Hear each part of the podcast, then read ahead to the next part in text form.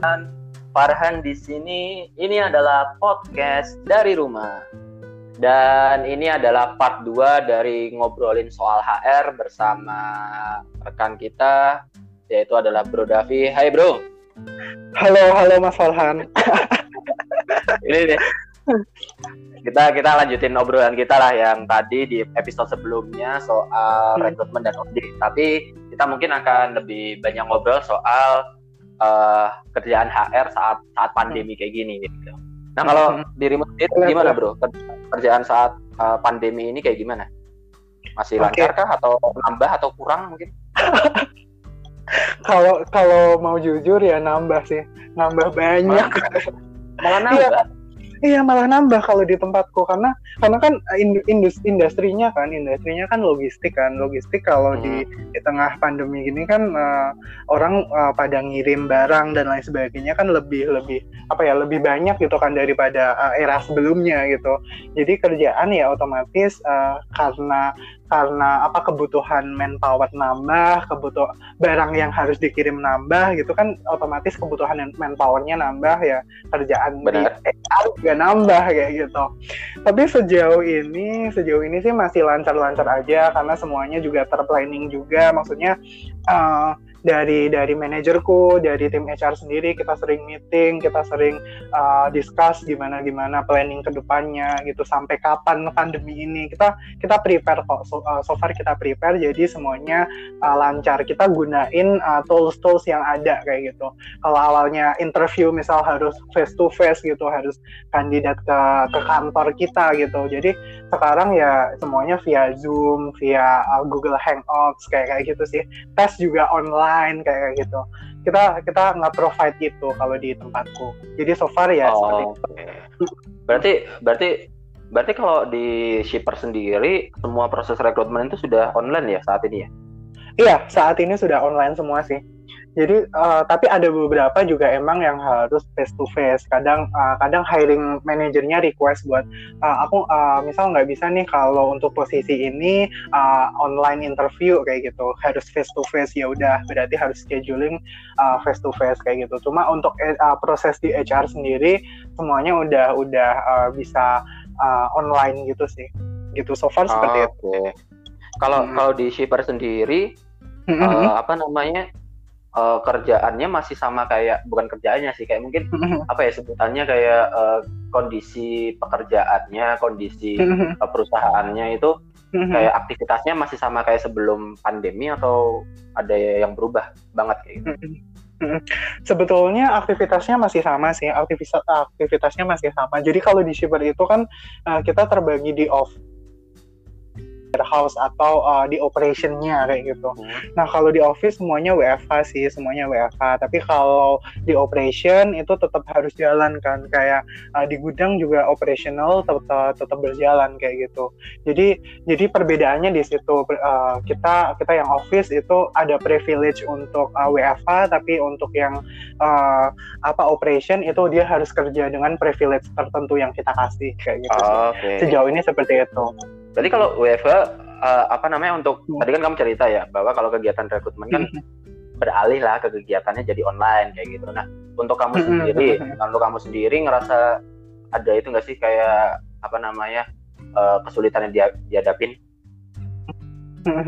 Kalau kesulitan lebih ke arah kesulitan teknis sih kesulitan teknis dalam artian uh, kan kita gunain internet gitu kadang internet nggak stabil misalnya. Terus kadang kadang kitanya udah stabil nih kayak gitu misal nge-calling uh, kandidat gitu. Tapi di kandidatnya internetnya nggak ready gitu misalnya.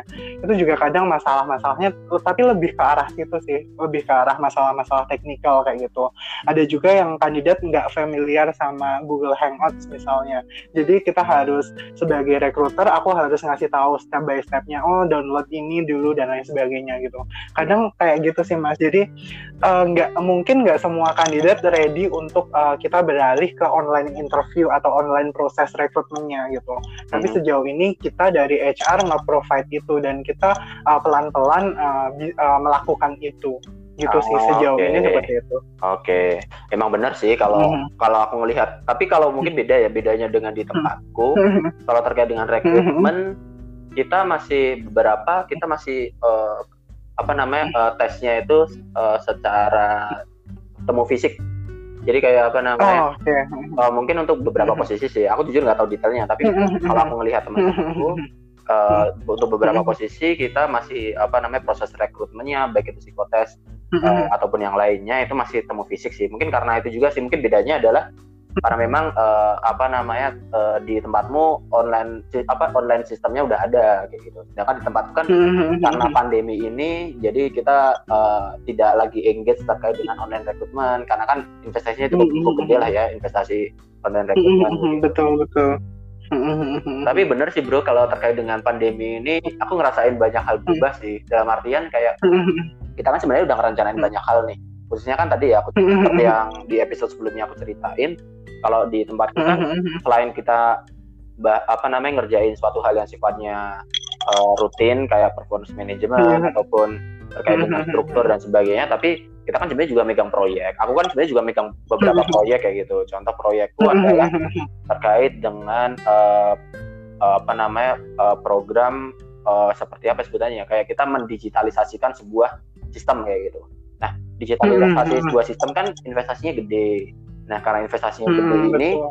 kita melihat bahwa uh, cash flow-nya agak seret nih di perusahaan. Jadi kayaknya hmm. untuk saat ini kan di hold hmm. dulu. Jadi kayak banyak hmm. banyak kalau di tempatku hmm. banyak program yang akhirnya ingin kita ingin kita laksanain, tapi karena investasinya hmm. gede, jadi nggak kita hmm. jadi kita laksanain. Jadi kayak ya contoh salah satunya itu online online rekrutmen, online rekrutmen jadi jadinya kita hold dulu karena memang investasinya cukup gede sih gitu. Iya, jadi mungkin uh, ada beberapa juga sih betul betul sekali ada beberapa beberapa hal yang kita hold. Kalau di tempatku ini sih mas, uh, di tempatku yang uh, nyata ke hold itu adalah distribusi mengenai uh, ini uh, apa agreement. Jadi kan kalau di agreement kan kalau kita nge-offering orang kan harus tanda tangan agreement kayak kayak gitu kan? Iya, yeah, yeah, benar. Kayak gitu kayak harus tanda tangan fisik, metrai, terus harus uh, on kalau onboarding kita udah udah bisa move biasanya yang onboarding harus face to face kita udah digitalisasi udah. Hmm. Oh, berarti on onboarding sudah bisa online ya di tempat Tangan kontrak nih itu yang sulit. Mereka yang apa? Mereka yang uh, print, terus mereka yang uh, tanda tangan seperti itulah gitu. Oke, okay, oke, okay. dipahami, dipahami. Jadi, jadi sebenarnya kalau di di tempatmu lebih siap karena memang online online sistemnya, online platformnya itu udah ready ya, ya kayak gitu. Iya, pertama seperti itu dan uh, kayaknya kalau di tempatku kayak mau nggak mau gitu loh mas. Jadi maksudnya dari uh, dari aku foundernya, dari si levelnya juga mengharapkan ya udah kita harus tetap bisa jalan semuanya. Jadi semuanya ya mau nggak mau harus di onlinein ah. gitu. Kayak kayak contohnya onboarding gitu. Onboarding kan sebelumnya kita face to face. Jadi dari HR ngisi via langsung yeah. gitu kita ketemu uh, new joinernya gitu, new joiner beberapa new joiner. Nah kalau sekarang ya udah uh, online interview, eh, on apa online online uh, onboardingnya online kayak gitu kita pakai hangouts kayak kayak gitu jadi uh, jadi kalau di tempat mungkin agak lucu hmm. gini sih mas. Jadi ketika kamu diterima kerja di tengah pandemi ini terus kamu semuanya online gitu kayak kamu di rumah aja terus gitu. Kayak apa ya nggak ada uh, hari pertama kerja ya di rumah gitu. Kadang kayak lucu gak sih ya kayak hari pertama kerja onboarding juga di rumah gitu kayak semuanya di rumah kamu ada kerja tapi di rumah kayak nggak ngerasain gitu loh padahal kan hari kerja hari kerja pertama rata-rata kita foto-foto dulu lah ya kayak hey teman-teman aku, iya. aku kerja di sini gitu. Hai, gitu. tapi akhirnya kayak oke okay, karena di hmm. rumah juga ya jadi ya mau gimana lagi bro hmm. nggak bisa juga hmm. eh kalau skipper itu di Jakarta iya, ya betul. Jakarta ya iya head office kami di Jakarta, Jakarta sih Jakarta Selatan di Kohive.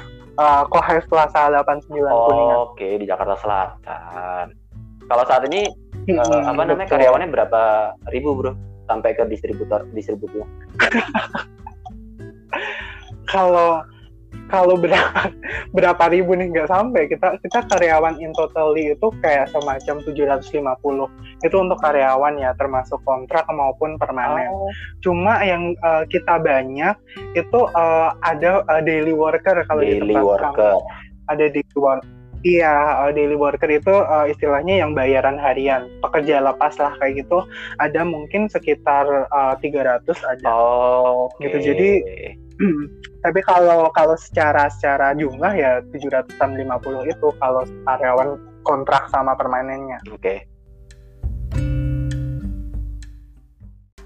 Salah satu isu dari HR saat kita dalam kondisi pandemi kayak gini kan adalah melay off karyawan Nah, iya betul betul. Mengapa sih uh, sebuah perusahaan itu akhirnya memutuskan untuk lay off ataupun merumahkan karyawannya? Mm -hmm. Oke, okay. sebetulnya susah juga ya, maksudnya uh, di tengah pandemi ini kan kita kayak uh, perusahaan mana sih uh, mungkin ya mungkin sed hanya sedikit perusahaan yang yang uh, bakal planning buat kondisi seperti ini gitu loh. Kayak nggak semua perusahaan kan uh, memiliki planning untuk uh, kayak gini gitu. Nah ya, salah benar. satu nah salah satu opsi yang bisa dipilih sama uh, HR atau perusahaan itu adalah melakukan layoff kayak gitu. Cuma kalau aku pribadi ya kayak kayaknya ya kasihan banget. Maksudnya kalau harus layoff sebetulnya kasihan banget. Mungkin ada uh, ad, sebetulnya kan ada opsi-opsi lain kayak gitu selain layoff kayak gitu. Jadi tapi kalau di shipper sendiri, kalau di shipper sendiri kondisinya adalah saat ini uh, bisnis juga masih normal aja bahkan ada kecenderungan meningkat karena mungkin yaitu tadi industrinya di logistik gitu. Nah, saat ini uh, saat ini nggak uh, ada isu layoff sama sekali kalau di tempat kami. Cuman cuman untuk mengantisipasi hal itu itu gitu untuk antisipasi hal itu dari HR untuk uh, selama ke COVID ini untuk posisi tertentu posisi operation kita hanya uh, menawarkan kontrak satu bulan kayak gitu kita oh, jadi kita okay. ya jadi kita nggak mau ambil resiko nih jadi kita nggak mau ambil resiko misal ya kita nggak tahu ke depan seperti apa masih atau enggak dan lain sebagainya bisnis seperti apa kayak gitu. Kalau di shipper seperti itu. Jadi ada kita bikin rules untuk ya udah selama pandemi ini untuk kontrak kita hanya berani satu bulan dulu. Nanti kita lihat kita review. Kita review apakah bisnis kita masih oke okay, dan lain sebagainya. Itu baru kita kontrak uh, biasanya sih enam bulan kayak gitu. Hmm. untuk kontrak ya lama kontrak hmm. gitu. Hmm. kurang lebih kayak, kayak kayak gitu antisipasi yang dilakukan kalau di companyku gitu. Oke. Okay. Shiver merupakan salah hmm. satu itu ya uh, bisa dibilang perusahaan yang uh, masih bisa apa namanya uh, normal untuk masalah hmm. cash flow dan juga cenderung untuk naik ya karena memang kalau ngelihat saat iya. ini kan distribusi itu kayak jadi ujung tombak lah di di berbagai aktivitas kita kayak gitu kita aja belanja online terus habis itu mungkin apa namanya uh, paket paket barang ke daerah lain kayak gitu kan hmm. kayak iya betul betul nah. nah tapi ini sih bro apa kalau mungkin ngasih hmm. gambaran juga ya kalau di hmm. apa perusahaan-perusahaan kayak retail kayak di tempatku mungkin ini adalah masa-masa paling susah sih oke okay. untuk perusahaan retail non uh, apa namanya non bahan baku. Iya. Kayak gitu mm-hmm. kayak retail mm-hmm. otomotif retail untuk pakaian mm-hmm. retail untuk hal-hal yang lain kayak gitu. Kemarin aku juga ngobrol sama temanku sih so, yang sama-sama juga di industri retail. Dan memang kita kita melihat bahwa kita cash flow-nya ini sedang sedang sangat seret kayak gitu. Karena kan orang-orang ini lagi lagi fokus untuk uh, apa namanya meng, apa namanya memenuhi kebutuhan pokok dulu. Yang penting beras iya, ada, betul. air ada, hmm. makanan uh, pokoknya ada kayak gitu. Ya orang-orang hmm. jarang lah ya uh, beli mobil, orang-orang jarang lah ya hmm. beli pakaian untuk hmm. kondisi kayak gini. Hmm. Gitu. Dan hmm. akhirnya memang karena memang kondisi kayak gitu, perusahaan pasti rasional hmm. dong. Perusahaan hmm. yang paling paling rasional kan karena uh, revenue nggak bisa naik ya otomatis kita ngurangin hmm. cost kayak gitu. Nah, cost costnya itu cost costnya itu apa aja?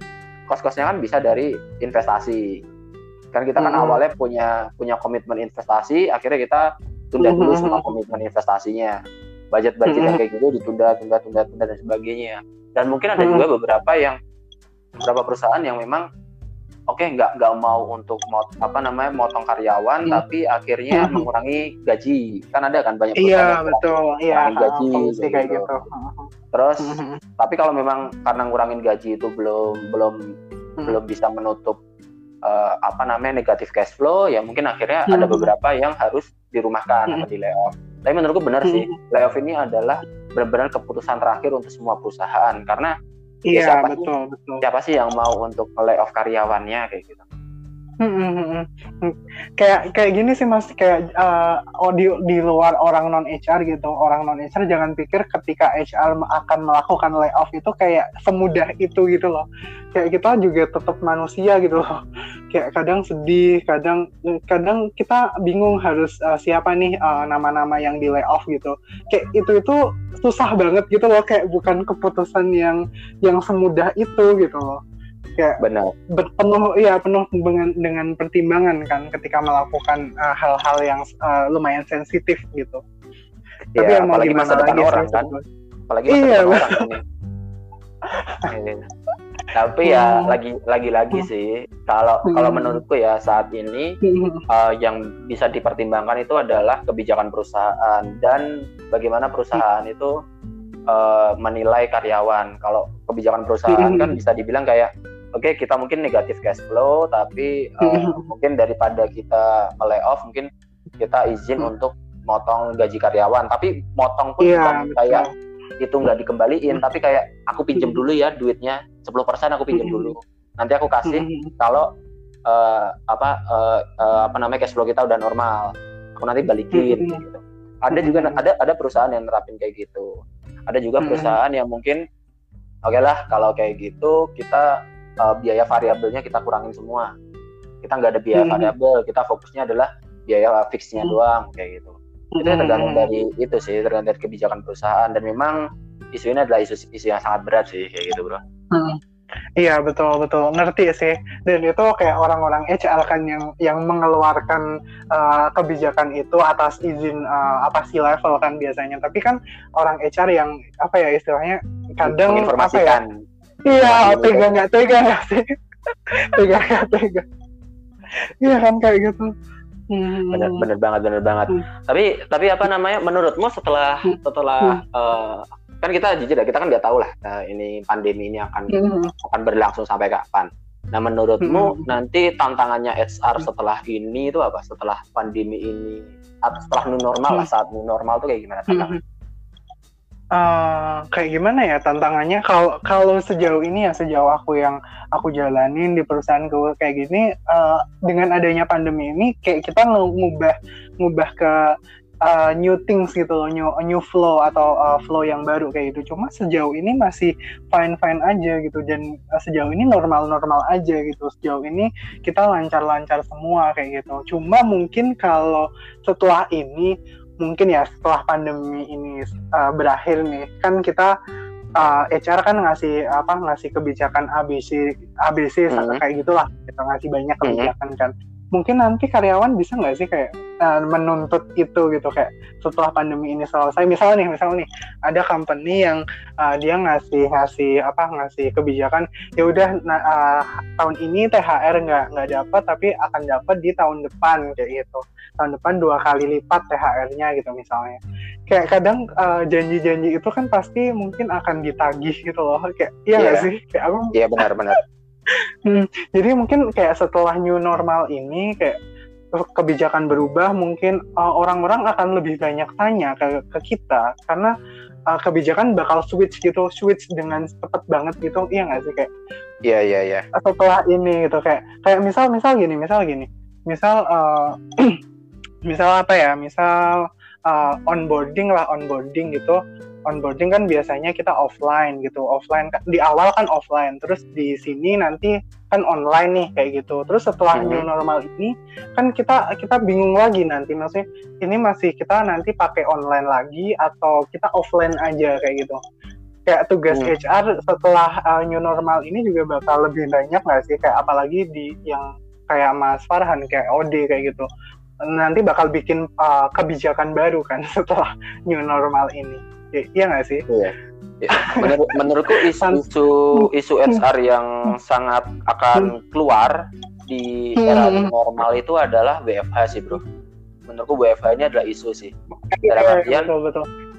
WFH ini kan perlu dikontrol sebenarnya. Dan hmm, hmm, nggak nggak banyak perusahaan yang siap sebenarnya untuk menerapkan sistem WFH ini karena kan uh, apa namanya uh, eh, WFH ini otomatis mungkin untuk beberapa perusahaan yang ngasih kayak mungkin hmm. makan siang gratis ataupun mungkin hmm. kebijakan-kebijakan yang lainnya tentu harus berpikir dong gila kalau kayak gitu kalau karyawannya WFH terus uang makan siangnya bakal kayak gimana? Itu belum kebijakan iya. lagi. Eh kayak yeah, ini menurutku isu-isu yang gede banget untuk HR karena kan itu soal soal jam kerja soal habis itu soal um, monitoringnya soal absensi dan semuanya gila ini menurutku WFH sih isu-isu yang cukup cukup gede Hmm, iya, tapi, tapi gini mas, tapi gini ya dari perspektifku, uh, aku kan di startup company ya, jadi kalau WFA yeah. itu jadi uh, bukan lagi isu yang yang gimana gimana gitu loh maksudnya.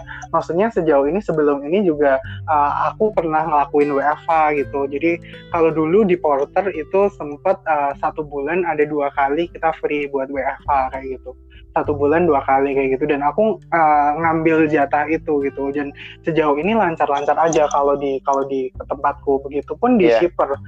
Yeah. meskipun di shipper sebelumnya nggak ada uh, kebijakan WFH tapi aku ngerasa ya aku ngerasa selama pandemi ini kita WFH bahkan ada ada momen kita all meeting gitu loh mas. Jadi kayak semua semua karyawan semua karyawan meeting di uh,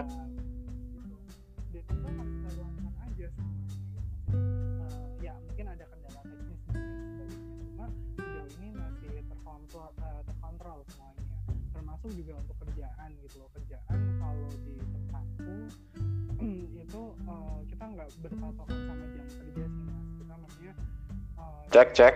cek cek. cek cek. Halo halo. Ya gimana bro? Ya. yang apa uh, shipper all meeting itu Oke, okay, jadi gini, uh, kalau se sejauh ini shipper se uh, WFA pas WFA kita pernah ngadain ini untuk all meeting gitu loh mas. Jadi kita, uh, uh, jadi namanya uh, kalau di tempat kami ada warehouse meeting. Warehouse meeting itu kayak semuanya uh, kita kasih uh, link buat uh, join di uh, Zoom, Zoom conference, terus uh, mereka join, terus tiap divisi, tiap uh, kepala divisinya itu uh, dia nge-sharing uh, kerjaannya, maksudnya apa sih yang dilakukan kita, terus ke depan arahnya mau kita mau ngapain aja kayak gitu. Dan sejauh ini semuanya berjalan normal aja kayak gitu. Semuanya berjalan normal aja. Jadi menurutku kalau di tempatku meski sebelumnya itu apa uh, kita nggak ada WFH tapi sejauh pandemi ini kita melakukan WFH mungkin ke depannya uh, WFH bisa dipertimbangkan gitu loh. Dan kalau di tempatku kayak untuk jam kerja itu nggak nggak apa nggak nggak fix gitu loh mas. Maksudnya yang penting kerjaan mau selesai ya udah kayak gitu loh. Gitu. Jadi hmm. lebih untuk jam kerja lebih longgar gitu. Kalau di tempatku sih seperti ini. hmm. tapi impactnya gini mas. Impactnya gini kalau impactnya gini kalau karena jam kerja nggak fix gitu itu kayak Sabtu Minggu ya udah uh, di telepon kayak tadi aku uh, tadi pagi aku juga di telepon karena kerjaan kayak gitu meskipun ini Minggu kayak gitu. Ya hmm. tapi itu kayak ya udah jadi makanan sehari-hari kalau aku. Jadi uh, aku nggak kaget dengan hal itu. Gitu sih kurang lebih. Oh, oke. Okay. jadi kalau apa namanya untuk untuk isu WFH ini tergantung mm -hmm. dengan kebijakan dan kesiapan perusahaannya ya dan di iya, udah lebih siap lah ya. Gitu. Iya, menurutku seperti itu sih. Oke, itu kalau untuk perusahaan ya bro ya. Tapi kalau untuk ini untuk calon karyawan atau karyawan, kan kalau kita melihat setelah WFH ini tentu perusahaan requirementnya akan semakin tinggi dong. Kayak apa iya, namanya? Iya betul. Harus harus hmm. kayak melek teknologi dan sebagainya. Nah dari hmm. dirimu nih sebagai seorang recruiters, nah hmm. untuk untuk calon karyawan sendiri, apa sih yang harus disiapin atau nilai jual apa sih yang perlu untuk disiapin di era new normal kayak gitu? Oke, nilai jual apa ya? Aku bingung nih. Jadi mungkin kalau jawaban gue gini sih mas, jawaban gue gini. Uh, jadi sejauh era uh, pandemi ini, setelah pandemi hmm. ini kan uh, mungkin aku dengar di di berita di news kayak gitu kan banyak yang kena layoff kan, maksudnya banyak uh, ada uh, lebih banyak pengangguran daripada biasanya, which is yeah. itu impactnya nanti untuk kandidat jauh lebih banyak juga kan, uh, istilahnya yeah. uh, jauh lebih kompetitif juga kalau setelah iya. pandemi yeah. ini kayak gitu. Benar. Jadi mungkin ya itu yang harus apa ya untuk setiap kandidat ketika uh, after uh, ke pandemi ini di era new normal itu harus lebih apa ya lebih siap lagi gitu loh. Kayak biasanya misalnya saingannya cuma 10 gitu sekarang bisa jadi 20 atau 30 kayak gitu.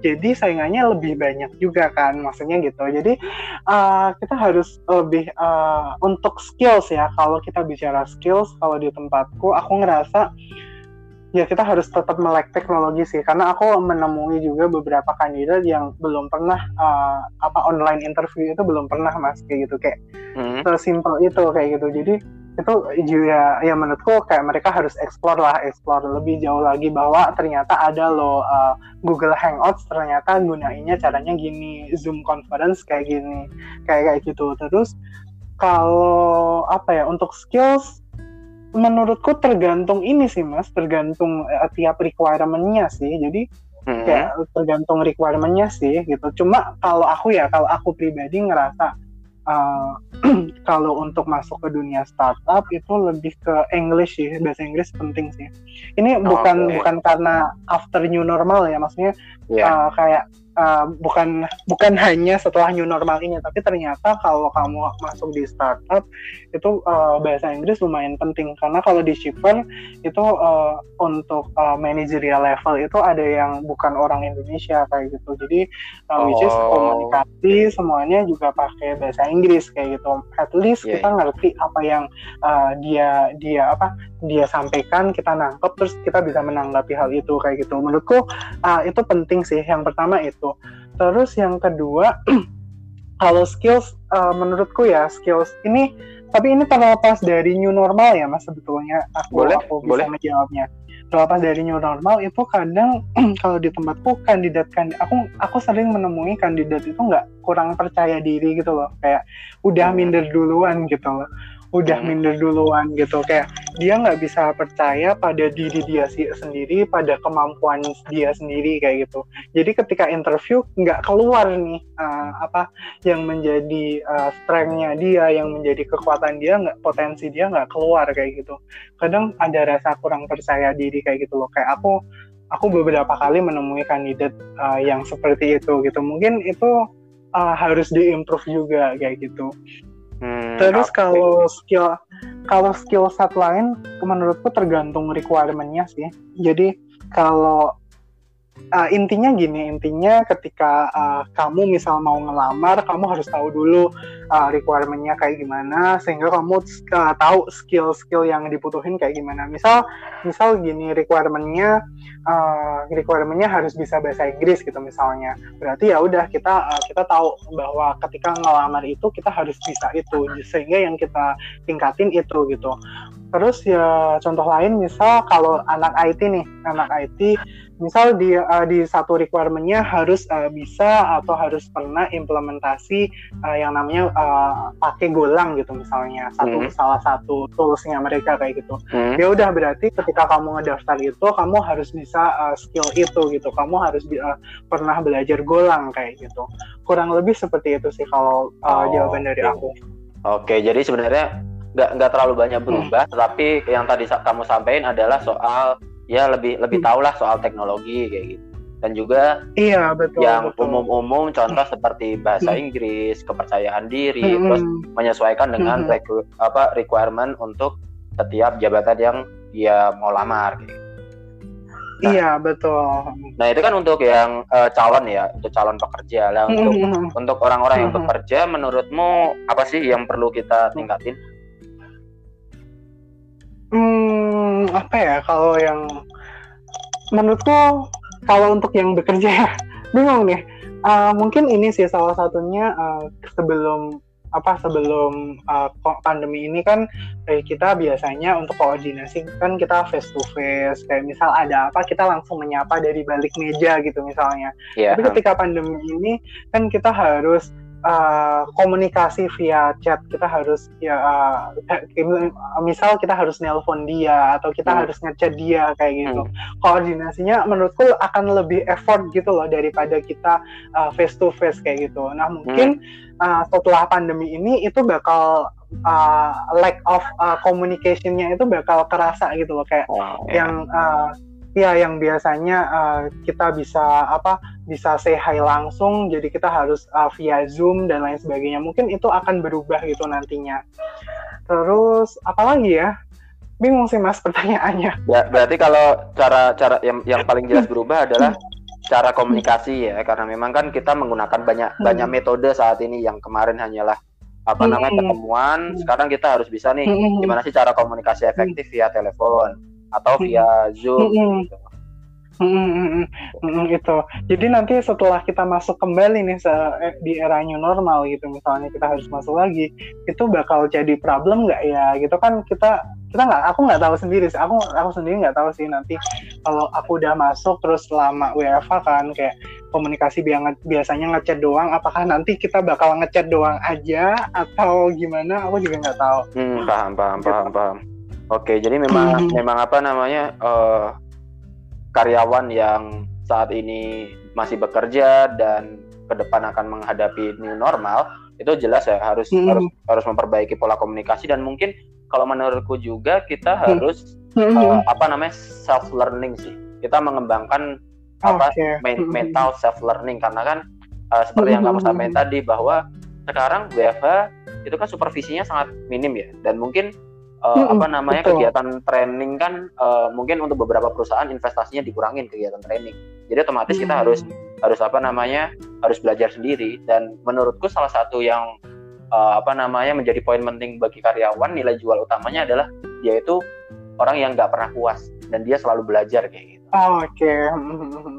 Jadi karena betul, dia betul, betul. dia selalu belajar, dia akhirnya tahu bahwa aku tuh masih kurang di mana, kan nanti kan hmm. dia otomatis akan akan apa namanya uh, meniti jalur kali, jenjang karir yang lebih baik lagi kayak gitu sih. Aku mandangnya kayak gitu. Benar-benar ngajarin betul. banyak hal. Betul betul. Aku ada cerita nih mas, ada cerita hmm. salah satu temanku juga yang menurutku uh, dia ada kemauan itu loh untuk belajar gitu.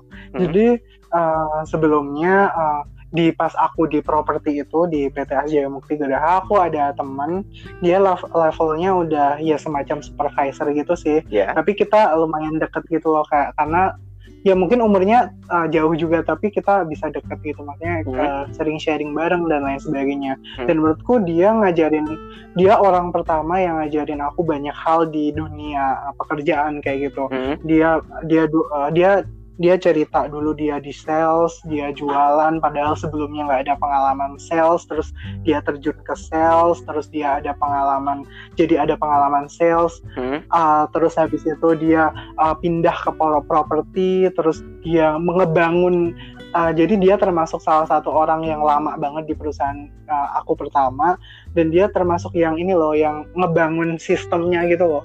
Kayak dia ikut andil dalam dalam itu gitu. Terus uh, pas pas aku pindah ke company di uh, Porter uh, dia juga ada maksudnya uh, dia ada satu problem lah gitu terus akhirnya dia resign dan dia kebetulan pas kebetulan itu juga di tempatku sedang kita sedang nyari uh, CS supervisor waktu itu dan hmm. uh, requirement dia menurutku match terus ya udah aku undang buat interview di Porter waktu itu terus aku temuin sama hiring manajernya dan uh, hiring manajernya itu kayak tertarik banget gitu loh. Kayak dia dia bisa menjelaskan uh, secara gamblang apa pun yang ditanyakan sama hiring manajernya terus waktu itu seminggu gabung gitu seminggu gabung sama sama Porter di industri yang berbeda di posisi yang uh, mungkin ya uh, mirip sih CS sama-sama uh, CS juga gitu hmm. tapi levelnya lebih tinggi kayak gitu cuma di industri yang berbeda itu dia kayak adaptasinya itu cepet banget gitu loh kayak hmm. dia learningnya cepet banget gitu hmm. kayak uh, sampai-sampai kayak satu bulan setelah itu dia dipromot buat jadi level manager kayak gitu. Oke. Okay. Dia dipromot ya karena dia kayak bisa cepet banget gitu loh kayak sampai sampai hiring manajernya itu pernah share ke aku bahwa nih nih anak nih uh, nih orang itu bisa cepet banget untuk mengetahui suatu hal dan dia mau untuk belajar gitu loh padahal industrinya berbeda banget gitu loh yeah. kayak dia cari tahu sendiri, explore sendiri dan lain sebagainya gitu. Sampai saat ini uh, posisinya di posisi uh, manajer dia udahan kayak gitu kayak dan itu switchnya menurutku cepet banget gitu loh kayak switch karirnya apa maksudnya uh, kenaikan karirnya gitu hmm. Oke oke bisa bisa bisa dan sejauh ini aku apa ya orang yang menurutku bisa jadi ya, salah satu role model role modelku adalah dia juga. Ah, Oke, okay. gitu. berarti benar ya bahwa gitu sih orang apa namanya hmm. orang yang belajar itu pasti apa namanya ditunjukkan apa namanya ja, apa namanya mungkin jabatan atau tanggung jawab yang bisa lebih lagi. Iya kayak betul gitu. betul. Kalau ada jalan lah. Betul gitu. betul. betul betul setuju. Oke. Okay. Ini kayaknya sudah sudah cukup lama nih bro kita ngobrol-ngobrol dan hmm. gak kerasa nih udah hampir setengah jam kita ngobrol di sini. Eh, udah lebih dari setengah jam kayak kita iya, ngobrol iya. kayak gini. Ini ada ada satu pesan lagi nggak bro hmm. untuk untuk teman-teman semuanya hmm. yang belum belum kita obrolin? Ada sebuah pesan mungkin yang perlu diketahui nih soal HR atau apa kayak gitu uh, apa ya sebetulnya banyak sih kalau kalau kita mau share gitu. Kita mau share kayaknya nggak cukup uh, sejam nggak cukup di podcast ini juga gitu. Mungkin banyak hal gitu banyak hal maksudnya yang harus di share gitu. Cuma kalau aku pesanku sih sama sama semua orang gitu uh, semua orang yang saat ini mungkin uh, kondisinya uh, sedang uh, menganggur karena habis di layoff atau seorang fresh graduate yang uh, sedang cari pekerjaan baru, sedang mau uh, menemukan uh, pekerjaan pertamanya kayak gitu, kayak gitu kayak uh, kalian harus semangat sih kayak setiap orang pasti akan menjalani proses-proses itu gitu. Jadi ya udah nikmati proses itu, uh, ambil positifnya aja, ambil hikmahnya aja dan ketika di pandemi ini kan pasti kayak banyak hal pros banyak uh, proses rekrutmen atau proses di company yang uh, istilahnya mundur lah atau uh, nge-freeze dulu kayak gitu. Ya udah gunain kesempatan itu untuk belajar karena saat ini kan teknologi juga banyak uh, source-nya juga banyak. Belajar dari YouTube dari atau mungkin uh, ke, uh, apa telepon sama teman lama atau mungkin uh, apalah uh, maksudnya kita gunain source-source yang ada saat ini gitu untuk improve skill skill kita gitu. Sehingga sehingga nanti kayak after covid ini selesai uh, kita ngedaftar lagi misalnya ngedaftar ke company baru itu kita udah punya new skill gitu loh. Jadi nggak di pandemi ini nggak nggak terbuang sia-sia waktu luangnya gitu sih mungkin. Oke mantap nih. Hal hal yang menarik yang sudah disampaikan oleh Bro Davi dan ini aku ngucapin terima kasih ya Bro ya. Udah mau ngobrol-ngobrol bareng di podcast dari rumah. Udah dua episode kita ngobrol. Iya terima kasih juga. Mungkin mau hmm. promo IG atau mau promo apa gitu?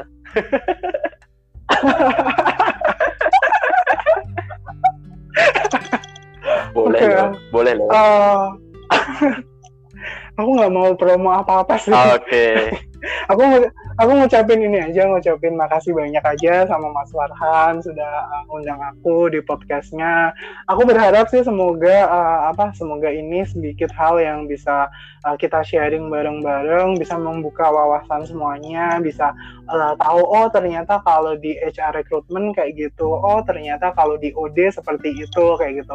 Jadi bisa tahu gitu sih gitu sih mungkin kalau dari aku pribadi gitu. Oh ya kalau kalau share mungkin aku share tentang companyku aja boleh ya mas? Wah, siap promosi boleh silakan promosi. Ya aku promosi companyku aja ya. Jadi jadi uh, teman-teman uh, teman-teman pendengarnya podcast dari rumah companyku namanya saat ini yang uh, aku bekerja adalah PT Shipindo Teknologi Logistik atau Shipper.